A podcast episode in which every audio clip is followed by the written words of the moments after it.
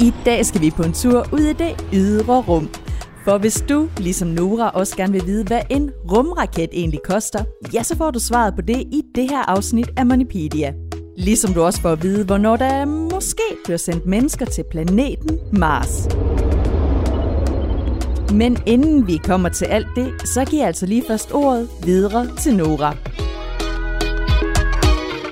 Hej, jeg hedder Nora. Jeg er syv år. Jeg vil gerne vide, hvor mange penge det koster til at få en rumraket. Ja, hvad koster en rumraket? Jeg kender desværre ikke prisen, så vi må hellere ringe til en, der ved helt vildt meget om rummet. Jeg hedder Tina Ibsen, og jeg er 35 år gammel, og øh, jeg er uddannet astrofysiker, så det vil sige, at jeg bruger min dag på at nørde alt om rummet. Jep, Tina er vist det, man godt kan kalde en vaskeægte rumnørd. Men selvom Tina altså elsker rummet, så er det faktisk hverken en rumraket eller en stjernekikker, der i lang tid har stået på Tinas ønskeseddel, når hun har haft fødselsdag. Det er derimod noget ret kongeligt. Da jeg var barn, og det gør jeg faktisk stadig nu som voksen, der er hvert år på min ønskeliste, der står der, at jeg ønsker mig et slot. For jeg har altid fået at vide af mine forældre, at øh, man må ønske sig, hvad man vil, man skal bare ikke regne med nødvendigvis at få det. Så øh, jeg har prøvet hele mit liv, og øh, jeg vil love jer for, når det er min fødselsdag igen, så står der, at jeg, vil, jeg ønsker mig et slot. Øh, men jeg har altså ikke fået det endnu. Og fra et kostbart slot til en kostbar rumraket. For Nora vil jo gerne vide, hvor mange penge en rumraket koster. Ja, så hvor mange penge koster det at købe en rumraket? Det, det er rigtig svært at svare på, fordi til starten, hvis man kigger på rumraketter, så koster det jo enormt meget bare at udvikle dem. Altså simpelthen finde ud af, hvordan man skal bygge den her raket. Så mange af sådan nogle rumraketter, vi kender i dag, det har måske taget 10 eller 15 år at udvikle dem, før man står med en raket. Okay, så det er altså mega svært at svare på, hvad en rumraket helt præcist koster. Blandt andet fordi det tager mange år at udvikle og opfinde en rumraket, før man overhovedet kan bygge den. Og det koster også sygt mange penge.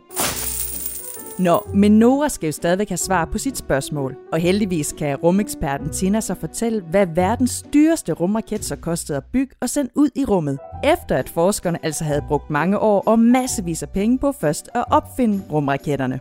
Den dyreste opsendelse, det er den amerikanske rumfærge, og det var nogen, der sendte mennesker i rummet fra 70'erne og så frem til 2011.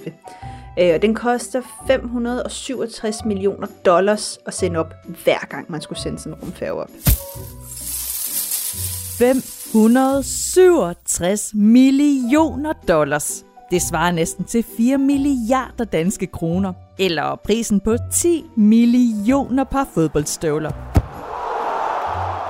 Og udover at det koster masser af tid og masser af penge at bygge en rumraket, så er der også andre ting, der gør, at det koster så sindssygt mange penge, når man gerne vil sende en rumraket ud i rummet. For det første, så skal man bruge virkelig meget brændstof. Altså det er virkelig, virkelig meget øh, benzin eller brændstof, som man skal bruge. Men, men det, der faktisk koster allermest, når man sender raketter op, det er, at de kun kan bruges en enkelt gang. Fordi at når man sender noget op, så er det kun en lille bitte del af den her raket, hvor astronauterne sidder, det man kalder rumkapslen, der sidder op i sådan spidsen af raketten, som er det, der kommer tilbage.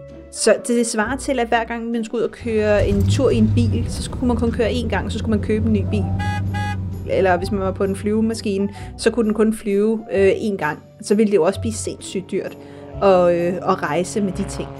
Så en rumraket er mega dyr, og den koster mange penge både at bygge og sende ud i rummet.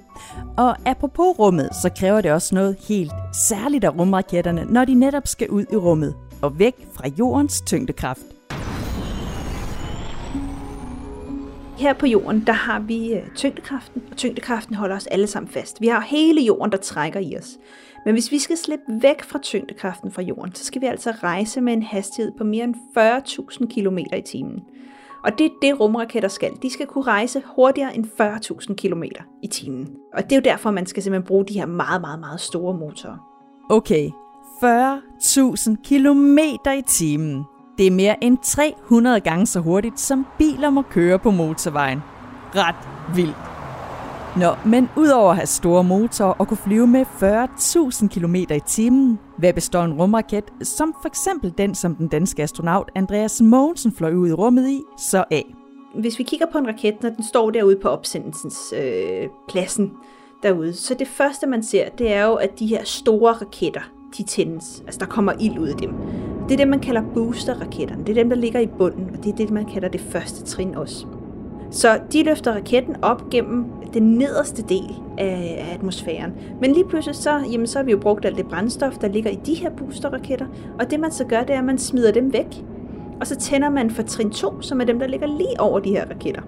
Og de her trin 2-raketter, jamen de sender så vores rumkapsel lige det sidste stykke ud i rummet, og så bliver de faktisk også smidt af. Og så har vi det sidste trin, som er der, hvor at astronauterne, altså Andreas han for eksempel sad, og det er så det, der er tilbage.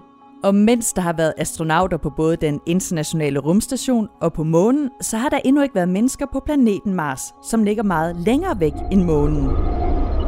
Og selvom man egentlig godt ville kunne flyve en rumraket til Mars, så er det i stedet noget helt andet, der går turen derop både besværlig og tidskrævende. Og som nok også vil ende med at kunne koste en hel del penge.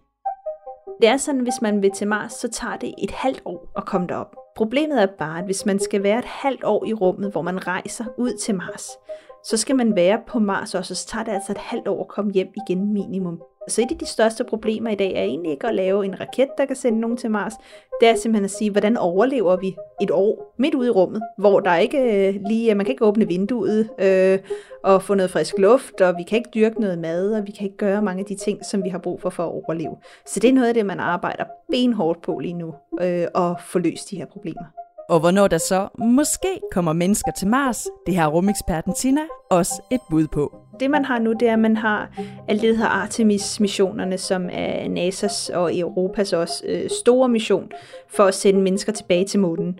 Og hvis alt det går godt, og man får al den viden, man skal bruge, jamen så er næste skridt, at, øh, at man vil begynde at sende mennesker til Mars. Og lige nu, så, øh, så går de med planer om, at de næste mennesker skal sendes til månen inden for de næste 3-4 år, og så til Mars inden for de næste 10 år.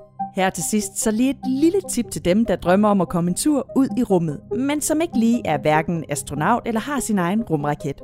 For har man pungen fuld af penge, kan man nemlig nu købe en turistbillet til en tur ud i rummet, og for eksempel besøge den internationale rumstation. I de her dage er der en helt privat gang rumturister, øh, ombord op øh, på den internationale rumstation, og de har simpelthen betalt for at komme en tur til, til rumstationen.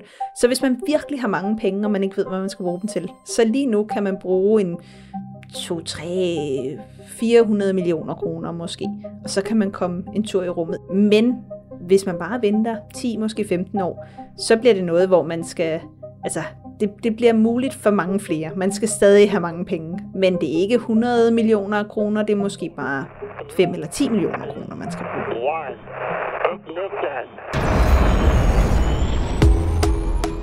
Tak for svaret, Tina, og tak for spørgsmålet, Nora.